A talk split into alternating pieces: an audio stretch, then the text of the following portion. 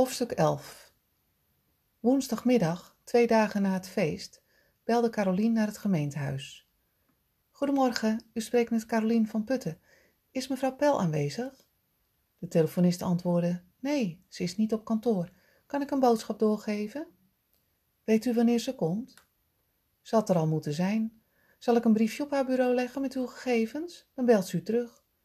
Nee, dat hoeft niet, dank u wel, zuchtte Carolien. Ze kon zien dat Lise voor het laatst haar WhatsApp geopend had op maandag om tien over twee s middags. Dat was tijdens de harddraverij. Caroline had dinsdag al meer dan tien appjes gestuurd, die wel bezorgd waren, maar niet gelezen. Dat kon ze zien doordat de twee vinkjes bij haar appje grijs bleven in plaats van blauw. Misschien was Lise haar mobiel kwijtgeraakt in het feestgedruis. Normaal gesproken checkte ze regelmatig haar berichten.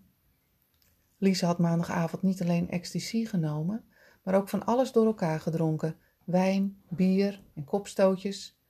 Ze heeft vast een kater, dacht ze. Maar we zijn intussen twee dagen verder. Lise kende als medemblikse zoveel mensen dat ze op het plein voor het café van Jak van de een naar de ander fladderde. Caroline had een steek van jaloezie gevoeld toen ze haar zag zoenen met een andere vrouw. Daarna was ze haar uit het oog verloren. Ze had zelf ook veel gedronken en wist niet hoe laat ze thuis was gekomen.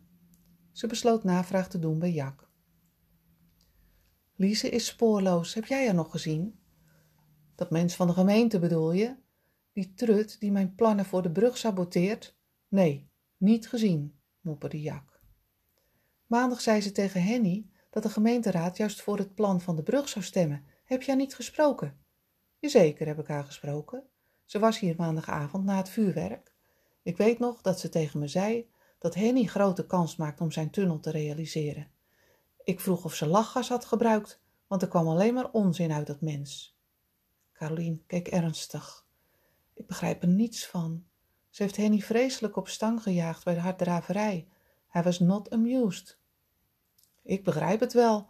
Ben had waarschijnlijk gelijk. Het zal me niet verbazen als ontdekt wordt dat ze geld van de gemeente heeft gebruikt om die boot te kopen. Wil je zeggen dat Lise corrupt is? Vroeg Caroline verontwaardigd. Dat geloof ik niet. Ze heeft die prachtige zeilboot toch gekocht? Hoe kwam ze aan zoveel geld? Heb jij je dat nooit afgevraagd? Caroline zei niets en keek sip voor zich uit. Ik zal thee voor je maken, je ziet bleek. Jak draaide zich om naar een machine, pakte een beker en tapte heet water. Hij zette de beker op de bar en bood haar een doos met theezakjes aan. Ze pakte een zakje Earl Grey en liet het in het hete water zakken. Ik begrijp het niet, Jack. Ze komt op mij heel vriendelijk en bekwaam over. Je bent goed gelovig, Caroline.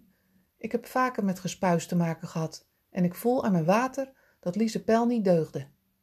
Deugd, bedoel je? Dat bedoel ik, zei Jack. Hij pakte zijn versleten theedoek en begon ijverig glazen te poetsen. Het was een fantastisch feest, zei hij. Ja, dat was het zeker.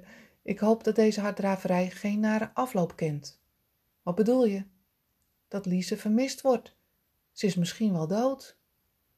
Caroline verbaasde zich over de stelligheid waarmee ze die laatste zin zei.